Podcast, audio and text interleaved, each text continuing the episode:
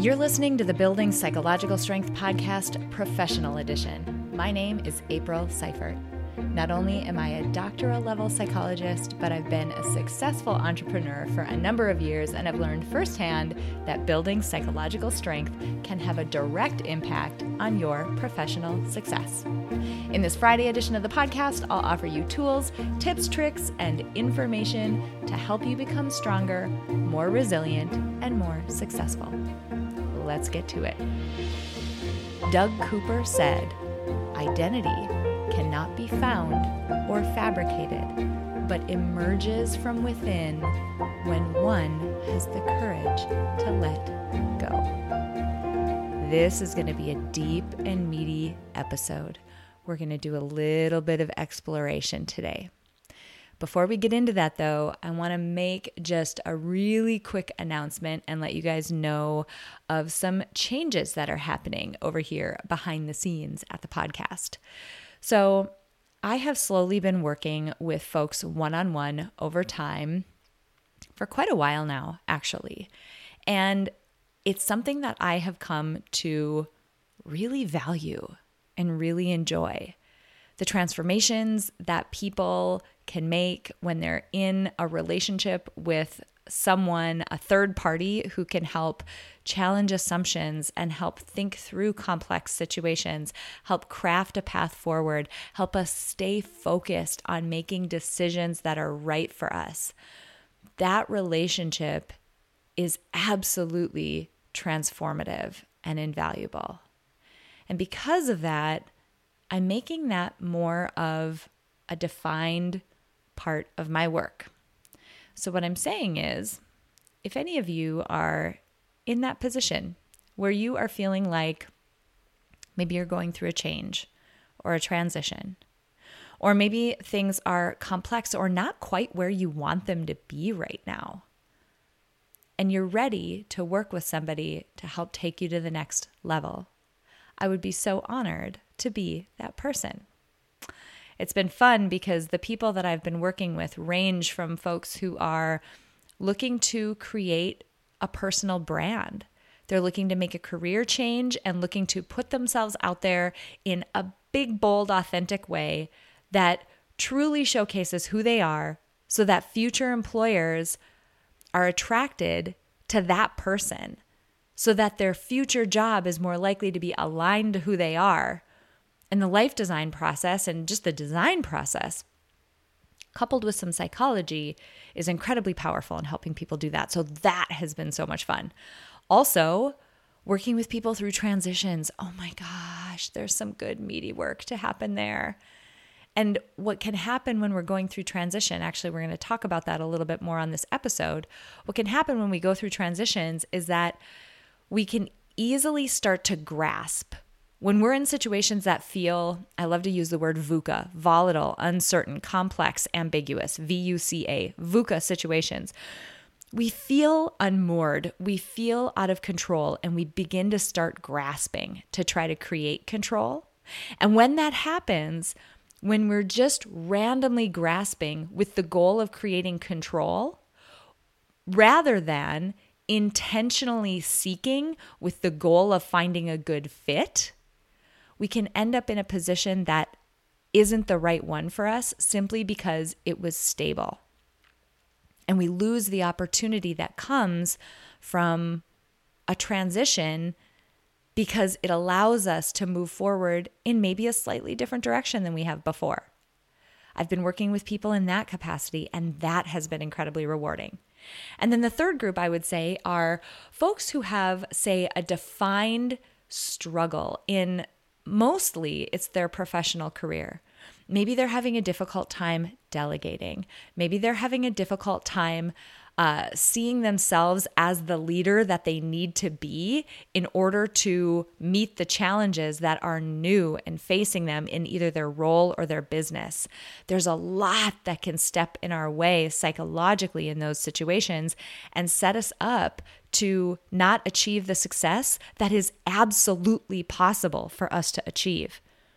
So that's the third group of folks that I've been working with. And it has been so rewarding and so fun. And people are getting amazing results. And I am loving it, which is why I'm making it a bigger part of the work that I'm doing going forward.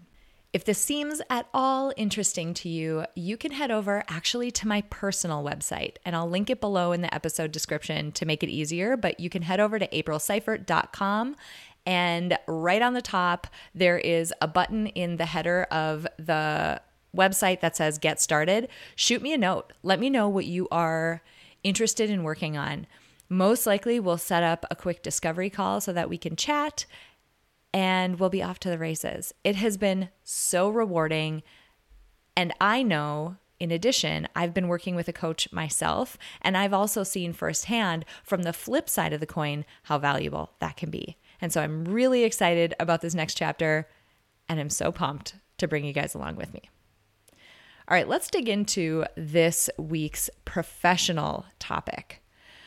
I want you to imagine with me that you are at a happy hour or a cocktail party and you are introducing yourself to somebody new.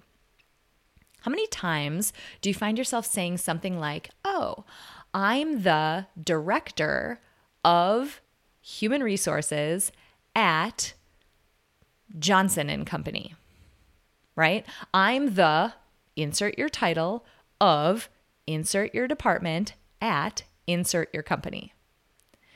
So many times when we introduce who we are, a big portion, if not all of that, is wrapped up in our jobs and our titles. We see them as so intertwined. And a lot of the time, this can be completely fine and be really good, actually.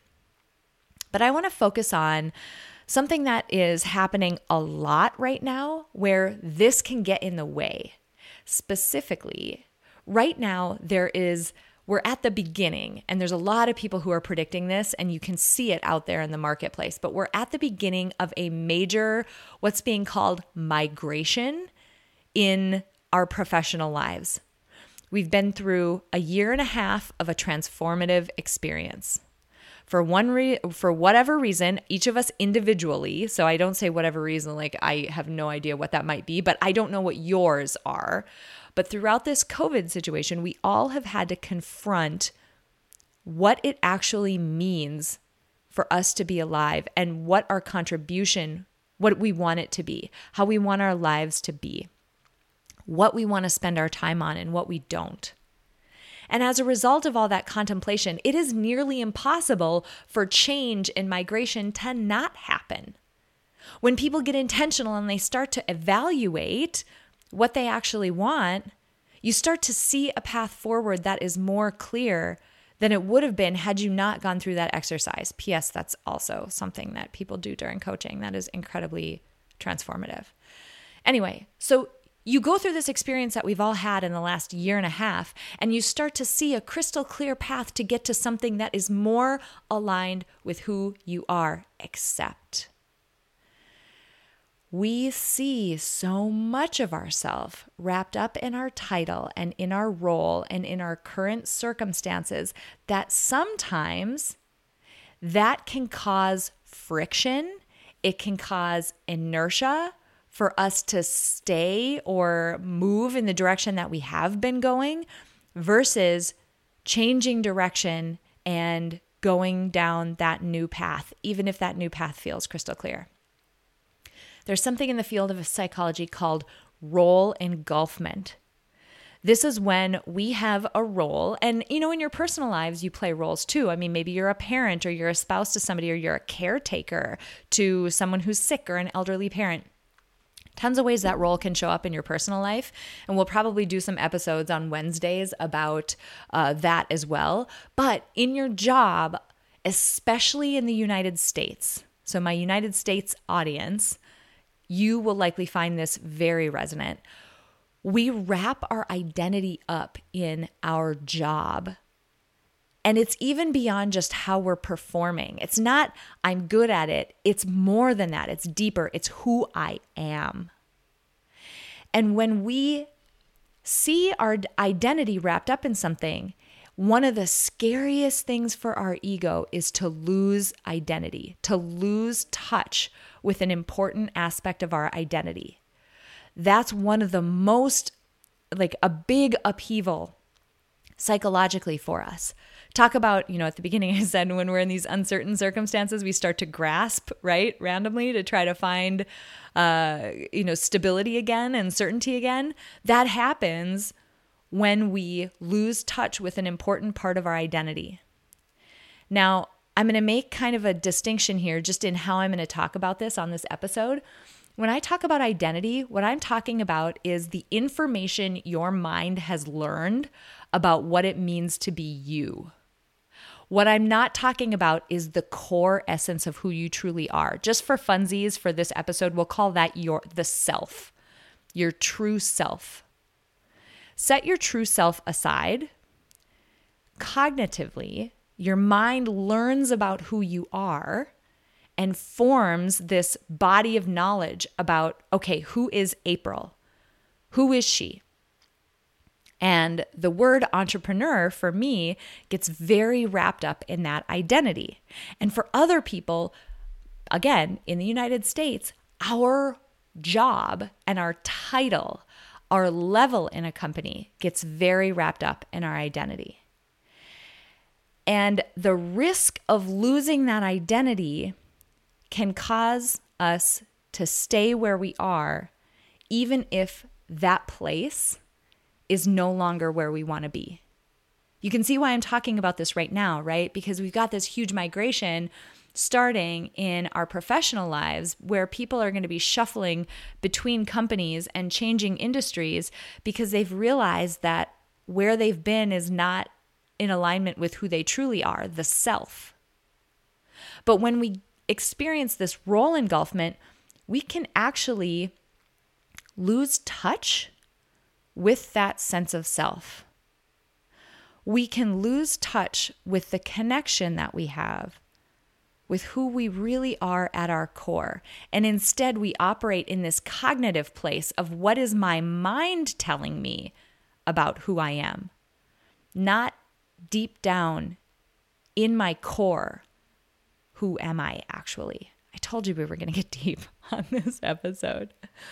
So, as a reflection exercise, as something to do this week. If you are one of those people who are in the position where you're looking at your life prior to COVID and you're saying, no, I got to make some changes. This is not the direction that I want to be going in after COVID. This is not what I what I see myself doing. I don't think this is my purpose.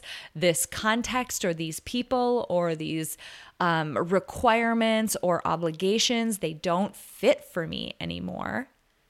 If that describes you, I want to give you the gift of this amazing question. I mentioned that I'm personally working working with a coach right now that she gave to me.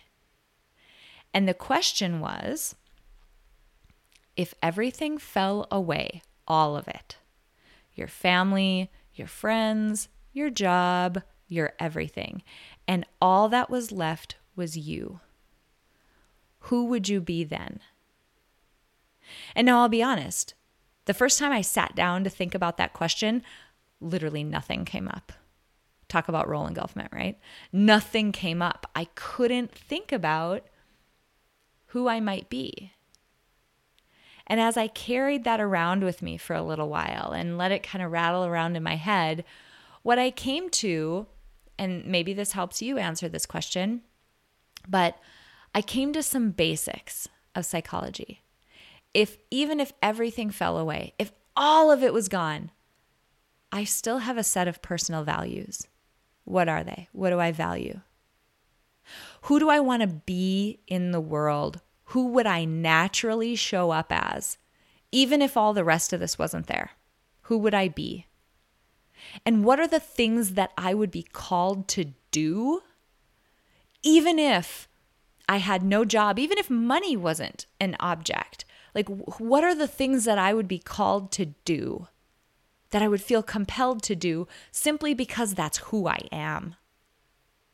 And when I started to piece that, that question apart, truthfully, that question that I, you know, mulled over a couple of months ago or whatever, weeks and weeks ago, was what led me to the decision to expand the work that I've been doing with people one on one. Because flat out, I would be teaching people these principles. If this podcast fell away and suddenly it was gone and I couldn't do it anymore, which would be devastating, I would be so sad not to hang out with you guys every week. But if it fell away, I would still be teaching these principles and sharing them somehow, even if it was just in one on one conversations with people. I would still be doing it. I would still be thinking about how do I apply these things to other people's lives. And I went down a giant rabbit hole, which basically led to you need to expand this one on one practice. And that's why I'm doing it. And so, again, if you're interested in that, click the link in the episode description, aprilseifert.com, click the button, shoot me a note, and we'll figure out where to go from there. But for you, thinking about your path forward, who would you be if everything else fell away?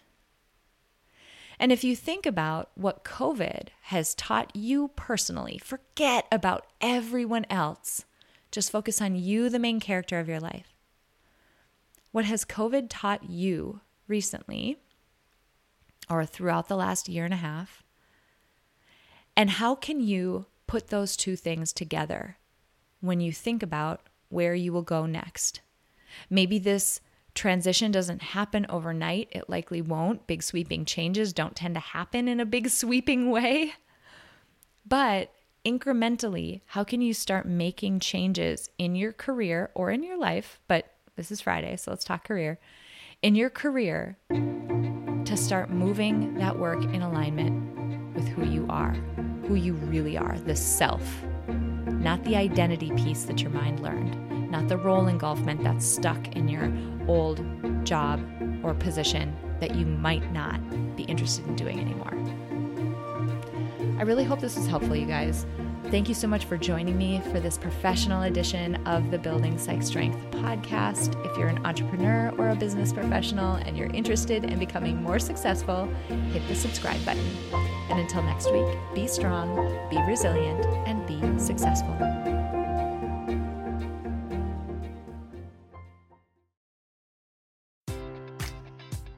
Enjoy all your favorite sports like never before at BetMGM. Sign up using code CHAMPION and receive up to $1,500 back in bonus bets if you don't win your first bet. When you register with BetMGM, you'll get instant access to a variety of parlay selection features, live betting options, and the best daily promotions in the business. And with BetMGM at your fingertips, every play and every game matters more than ever. Remember to use code CHAMPION and receive up to $1,500 back in bonus bets if you don't win your first bet. Place your money line, prop, or parlay bets with the king of sportsbooks today. BetMGM and GameSense remind you to play responsibly. See BetMGM.com for terms. 21 plus only. Virginia only. New customer offer. Subject to eligibility requirements. Rewards are non withdrawable bonus bets that expire in seven days. Gambling problem? Call 1 800 Gambler. Promotion. Promotional offer not available in Washington, D.C.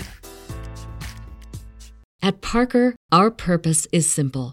We want to make the world a better place by working more efficiently, by using more sustainable practices, by developing better technologies. We keep moving forward. With each new idea, innovation, and partnership, we're one step closer to fulfilling our purpose every single day. To find out more, visit parker.com/purpose. Parker, engineering your success.